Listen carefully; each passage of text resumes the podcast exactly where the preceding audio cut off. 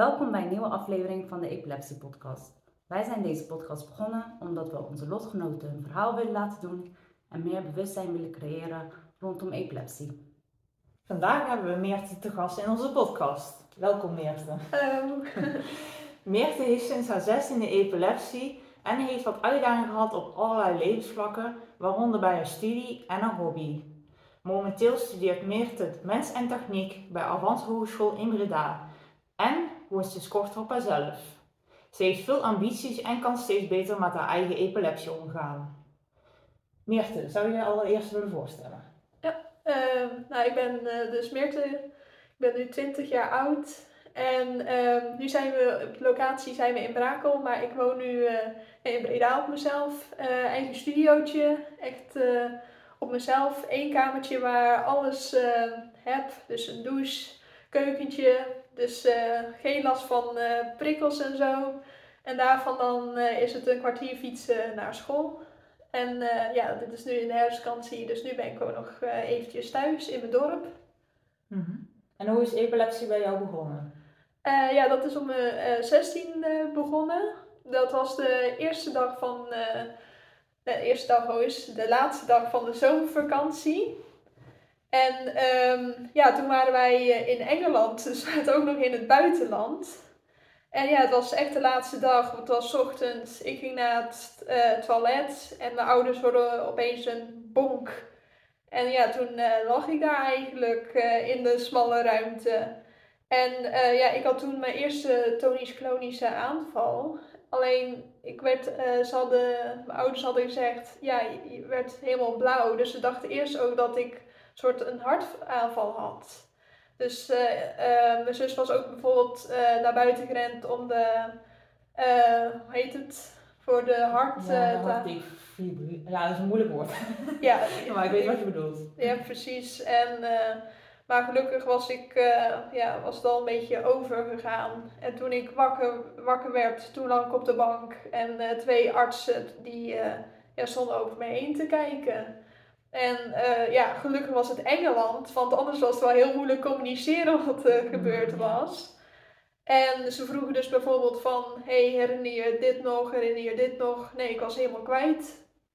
En toen uh, kregen we als ding van, ja, je hebt waarschijnlijk te weinig gedronken, maar blijf voor de zekerheid nog maar bij in de buurt. Dus wel als positief één dag meer vakantie. dus dat is wel lekker.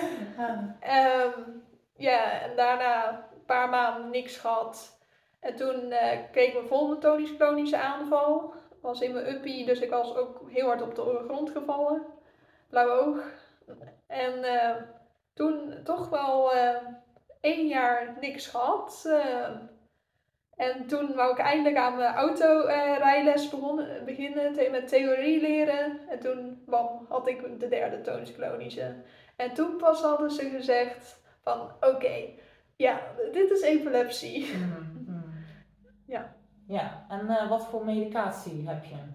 Uh, ik zit nu aan de 2750 gram Keppra en ik heb nu 150 eh, milligram uh, Vindpad uh, per dag. Dus best wel wat aardig medicatie. Waar ik mhm. zelf ook wel merk dat ik daar nog wel vermoeid van ben.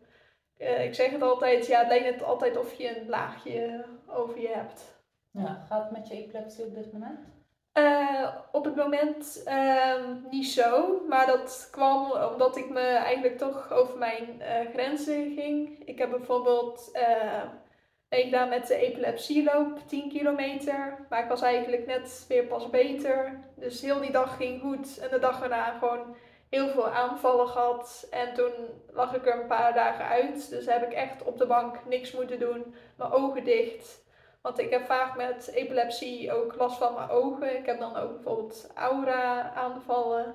Dus uh, ja, daar lig je dan op de bank.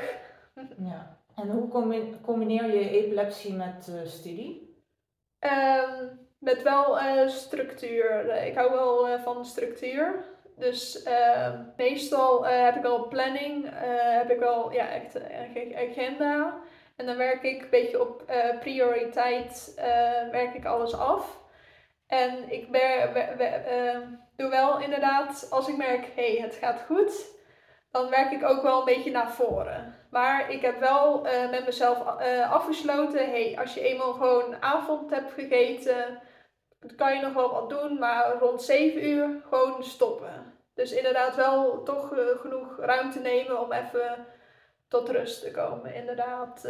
dus die rustmomenten pakken. Hmm. En hoe, oh. hoe gaat de school met jouw epilepsie? Heb je veel begrip of ervaar je onbegrip? Um, omdat ik dus ja, eigenlijk wel een opleiding doe die met gezondheid te maken heeft, en merk ik wel dat ik veel begrip heb uh, van studenten. Maar er is, ik merk wel dat er nog uh, verwarring is van de studenten van hoeveel invloed epilepsie nou op uh, mezelf heeft. En dan, ja, dan, dan heb ik bijvoorbeeld wel eens gezegd, hey, het kan zijn dat ik er soms even een week uit lig. En dan zijn ze zo van, oh, dat heeft iedereen wel eens. Dan denk ik zo van, nou, niet op die manier. Hmm. en uh, ja, de school zelf, ja, wel een beetje irritatie, irritatiepuntjes toch wel van gekregen. Want uh, ja, toen ik heb uh, gezegd van, ja, ik heb epilepsie, dan waren zo van, ja, een beetje van, ja, oké, okay, en... Uh, toen was ik zo van, ik heb noodmedicatie, want ja, ik heb ook tonisch-klonische aanvallen.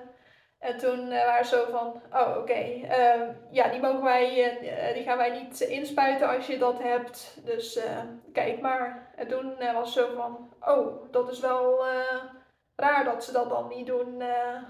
want als je bijvoorbeeld iemand met te hoge suikerspiegel, ja, dan spuit je het ook in.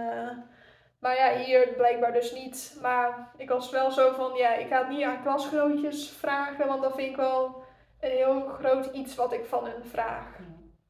En uh, voor mijn uh, oude aanvallen met mijn ogen, want uh, soms ja, zie ik opeens heel anders. Dan lijkt het net of ik een Instagram filter over mijn ogen heb. Hmm. En dan ben ik soms ook duizelig. Dus ik had ook ehm, gevraagd voor een liftpas. En ja, dat ging ook al heel lastig. En daarvoor hebben wij ook de LWOE uh, moeten inschakelen. En dat is epilepsie in onderwijs. En die heeft het wel even duidelijk gemaakt aan de school. Waardoor ik ook mijn liftpas heb kunnen krijgen. En inderdaad, gewoon met uh, dingen herkansen. Ik mis soms gewoon herkansingen, omdat ze zijn zo van Ah, uh, nee, ja, pech met die eerste. Ja, jammer voor je dat je een aanval hebt gehad, maar daarom krijg je niet nog een kans. Hm. Kan zo, en ja, dat heeft mij wel echt geïrriteerd. Ja, uh, gewoon die onbegrip, ja. inderdaad. Wel uh, vreemd dat dat nog steeds zo loopt. Ja, want ja, ik zit dan nu in mijn vierde en laatste jaar, dus ik ken al heel veel leraren, maar ze zijn toch inderdaad heel voorzichtig met wanneer ze mij eigenlijk nog een extra herkansing geven. En ja, dat vind ik ja, jammer inderdaad. Uh. Ja, zeker. En uh, je woont uh, sinds kort op jezelf. Hoe gaat dat? Um, ik dacht eigenlijk dat ik het spannender ging vinden. Maar ja, je hebt toch je eigen kamertje en dan kom je toch eigenlijk helemaal tot rust. Um, ik heb eigenlijk de grootste reden waarom ik op mezelf heb durven wonen, is omdat ik geen uh, tonisch-klonische aanvallen meer heb. Dat heeft de medicatie echt onderdrukt. En ja, ik heb uh, nog wel uh, vocale aanvallen, dus dat ik gewoon uh, ja, opeens weg ben inderdaad. En oude aanvallen, maar ja, ik dacht die aanvallen, ja, dat is een hele kleine kans dat je mee bezeert. En ja, misschien dat ik dan, als ik zo'n aanval heb, gewoon even op mijn bed ga zitten en even weg ben. Maar dat, dat is het dan ook. Dus ja, ik heb toch gewoon, als ik op mijn kamer ben, gewoon wel een bepaalde rust. Ik doe gewoon dezelfde dingen als dat ik thuis ben. En dan kijk ik gewoon even een seertje op mijn laptop. Dan ga ik weer even huiswerk doen, lekker wat lezen. Dus ik merk dat ik gewoon een bepaalde rust heb. En dan gaat het ook langer goed. En dan krijg je ook gewoon steeds meer zelfvertrouwen. Mhm. En het geeft ook wel gewoon die rust dat je gewoon in een, in een kwartier dus bij je school bent. En kan je die vocale aanvallen beschrijven? Um, ja, die vocale aanvallen die heb ik nog best wel uh, veel. Dat is eigenlijk wel de meest voorkomende aanval die ik nog heb. En dat is dan eigenlijk inderdaad dat ik opeens gewoon weg ben. Dus, en dat kan voor zes minuten zijn. En wij noemen dat uh, een vergeetaanval, want ik kan hele willekeurige vragen gaan stellen van welke dag is het, waar is mijn telefoon, heel belangrijk natuurlijk. en uh, ja, dan uh, zes minuten ben ik weer bij. En soms merk ik wel dat ik dan weg ben geweest, want dan ja, voel je toch net wat anders in je hoofd. En soms merk ik het eigenlijk niet, of dan duurt het even zo van, wacht, ben ik weg geweest? Mhm. En uh, soms voel ik het aan als zo'n uh, vocale aanval komt. Want dan, uh, gaat, dan voelt het opeens zwaar je hoofd. En ehm, mijn zicht die valt weg. En dan word je ook duizelig. Dus dan pak ik, eh, als mijn ouders er zijn, dat even vast. En dan probeer ik dat zo snel mogelijk te zeggen. Want echt binnen één of twee seconden ben ik dan weg. Want uh, toen ik een weekje niet goed voelde, toen was ik eindelijk weer even lekker buiten aan het wandelen. Toen was ik met mijn vader gewoon in de hand. En toen uh, ja, kreeg ik dus zo'n aanval. Zo, en dan denk ik zo van, oh pap, ik val weg. En toen was ik weer bij uh, toen we thuis waren. Alleen toen duurde het even een tijdje zo van, wacht, we waren aan het wandelen. Zo van, oh ja. Dus dat moet, duurt soms wel even dat ik dat door heb, inderdaad. En die aanval vind ik nog steeds wel heel rot. Uh, dat je gewoon ja, opeens weg bent. Uh. Ja, en heb je die uh, aanvallen vaak? Um, ja, vooral als ik dan eventjes over mijn grens ben gegaan. dus toch even mijn grens vinden, ehm, dat is nog steeds wel een ding.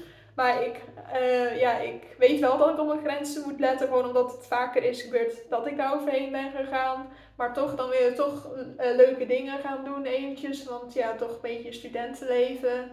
En dan ga je er toch even overheen. Uh, ja, wat zijn je hobby's? Um, helaas, hobby's die heb ik dus eigenlijk niet meer. Enige, ja, ik kan niet echt een hobby noemen, dat is films en series kijken. En dan ja, schrijf ik daar ook reviews over. En dan ga ik ook een beetje analyseren en zo. Um, maar ik had dus uh, als hobby, dat deed, was echt wel een groot deel. Uh, ik deed altijd muziek uh, spelen. Ik had een saxofoon. Oh. Ik zat bij twee orkesten. Oh, ik zat bij het dorp in een orkest. En ik zat een dorp verder zat ik ook in een orkest. En het leuke is, mijn zus die deed ook altijd mee. En dan was het twee keer in de week oefenen bij de orkesten. En ik had soms ook nog les. Ik heb daar ook gewoon twee examens ingehaald. Dus ik was er ook best heel ver mee, best aardig niveau. Alleen ja, toen met de epilepsie, toen ging het nog wel. Maar ik merkte dat het steeds zwaarder werd. Want um, ja, ik merkte, je komt toch te veel prikkels komen binnen. Je mm. doet te veel in één keer. Je moet spelen, juiste knopjes indrukken. Ja. Je moet naar de bladmuziek kijken. Je hebt alle toeters en zo om je heen. Dus heel veel uh, geluid. Je moet op de dirigent letten. Dus dat waren te veel handelingen in één. En toch op een gegeven moment helaas gezegd: ja, ik, ik moet hiermee stoppen. En ik ben er dus ook eigenlijk helemaal mee gestopt. Omdat, ja, je kan eventueel nog wel spelen thuis, maar in je eentje, ja, dat is toch anders. Uh, Hoe lang heb je dat gedaan?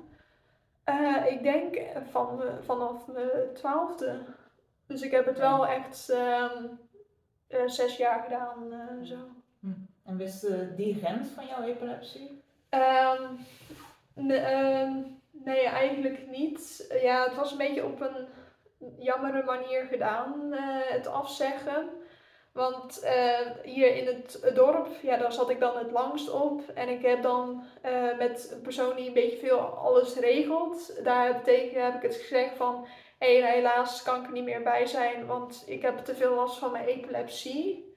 Alleen blijkbaar is dat niet goed doorgegeven. Dus uh, leden van het orkest die kwamen mij soms tegen en die zeiden... Hé, hey, waarom ben je gestopt? komt het door school? En ik was zo van, door school? Nee, door, door mijn mm. epilepsie. En dat wisten ze niet eens. Mm. Dus het was gewoon opeens bam, klaar. En bij dat andere orkest eigenlijk ook. Dan was het niet, ook niet goed doorgegeven en dan leek het gewoon alsof ik opeens gestopt was. En dat was heel vervelend. Dan ben je zo lang lid en dan opeens is het klaar. En ook, ja, ik ben eigenlijk niet zo'n eh, persoon die, eh, ja, zeg maar, van die sympathie nodig heeft. eh, van, oh wat zielig dat je het hebt, dat hoef ik helemaal niet. Om gewoon niks meer te horen nadat je zo lang in een hechte Ja, groep ja. eh, Mhm. muziek hebt gespeeld. Dat kwam me hard aan. Ja, voel je toch een beetje buitenspel gezet eigenlijk. Ja, dat inderdaad. ja, en soms voel ik me inderdaad dat wel inderdaad. dat je toch niet de juiste aandacht hebt. En Mhm.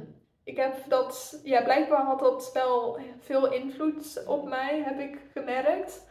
Want eh, blijkbaar eh, twee weken geleden ben ik naar de eh, neuroloog geweest in Breda. En toevallig was het één straat verder van waar ik zit bij mijn studentenflat. Dus dat was wel heel grappig. heel centraal opeens. Maar die hadden, eh neuroloog had dus gezegd, hey, ehm, de trillaanvallen die jij soms eh, voor als je naar bed gaat hebt, dat zijn psychogene, niet epileptische aanvallen. En die kwam ook wel even hard binnen. Natuurlijk wel geruststelling dat je nu weet wat het is. Dat het niet epilepsie is, maar dat het dus wel mentaal veroorzaakt wordt. Dat is die pnea, toch? Nee, ja, ja afgekort inderdaad. Ja.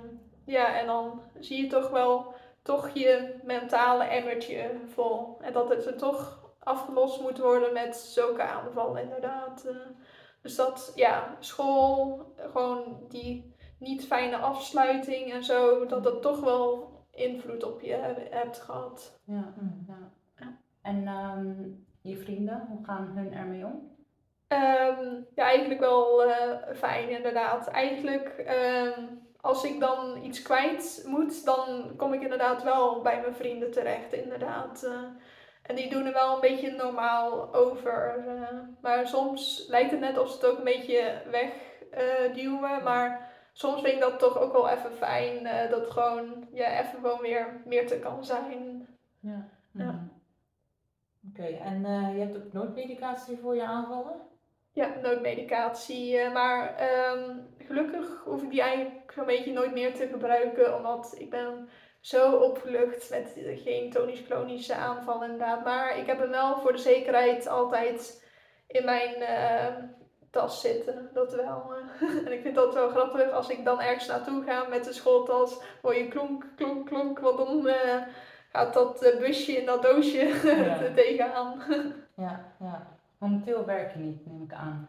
Eh, ik werk wel. Wel, oké. Maar ehm, dat is dan in het weekend, dan ga ik van Breda naar mijn dorp en dan eh, werk ik in de supermarkt. eh. en dat is dan eh, één weg uit en dan ben ik bij de supermarkt waar ik werk. En ehm, hun zijn er ook gewoon heel chill mee. Ik ben ehm, blij dat ze het niet erg vonden. Hun hebben dat ook helemaal meegemaakt. Want eh, toen ik daar kwam, toen had ik eigenlijk nog geen epilepsie. Maar ook voorzichtig verteld van, hé, hey, ik heb een aanval gehad, dus let daar even op. En toen heb ik verteld dat ik het had. En dan zei ze van, oh, daar houden wij rekening mee. En ik heb één keer gehad dat het dus ook echt niet ging. Ik kreeg alleen maar aura-aanvallen achter elkaar. En dan zeggen ze ook, hé, hey, ga maar naar huis. En soms ben ik gewoon even moe. En dan vraag ik, hé, hey, mag ik misschien even een uurtje langer naar huis? En dan weer doorgaan. En dan zeggen ze, ja, dat is goed. Dus ik ben zo blij dat de supermarkt waar ik werk mij heel erg respecteert. ja. Dat is echt een plek waar ik zeg zo van, ja, daar hebben ze gewoon echt begrip voor mij. eh. Fijn. en dat is ja. dan zo fijn, voel je je ook gewoon echt op je gemak, Ja, eh, inderdaad. Ja, eh. ervaar je ook rust eigenlijk. Ja, en omdat je ook die rust hebt en het zijn gewoon handelingen die je vaak doet. Want ik werk echt bijna alleen maar op de zaterdag dan. Dan herken je het ook en dan is gewoon even een rust. Dan ben je in beweging, doe je gewoon je standaard dingetjes en dan eh, ja, ga je weer naar huis. Mhm. Hm, Wanneer je je diploma haalt en eh, een nieuwe baan wil eh, vinden, hoe, ga- hoe wil je dat aanpakken? Ja, dat is inderdaad wel een goeie, want ehm, ik zit soms ook inderdaad eh, te denken van, ja, wanneer zeg je nu precies wanneer je epilepsie hebt? En ik ben ook een keer bij een ehm, gesprek geweest met studeren op maat, eh, waar je naartoe eh, kan, eh, kon gaan. Om te kijken hoe je dat aan moet pakken inderdaad. Hey, je hebt epilepsie en je moet dadelijk werk vinden. Wanneer moet je het eigenlijk zeggen? En hun hadden dus ook gezegd van studeren op maat van ja, dan moet je eigenlijk gewoon achterwege laten, want hun, hun hebben daar niks mee te maken. En daar was ik het inderdaad eh, wel mee eens. Dus ik ben nu ook voor een afstudeerstage, als ik dan eh, een brief aan het schrijven ben, ja, dan ga je natuurlijk ook niet zeggen dat je epilepsie hebt.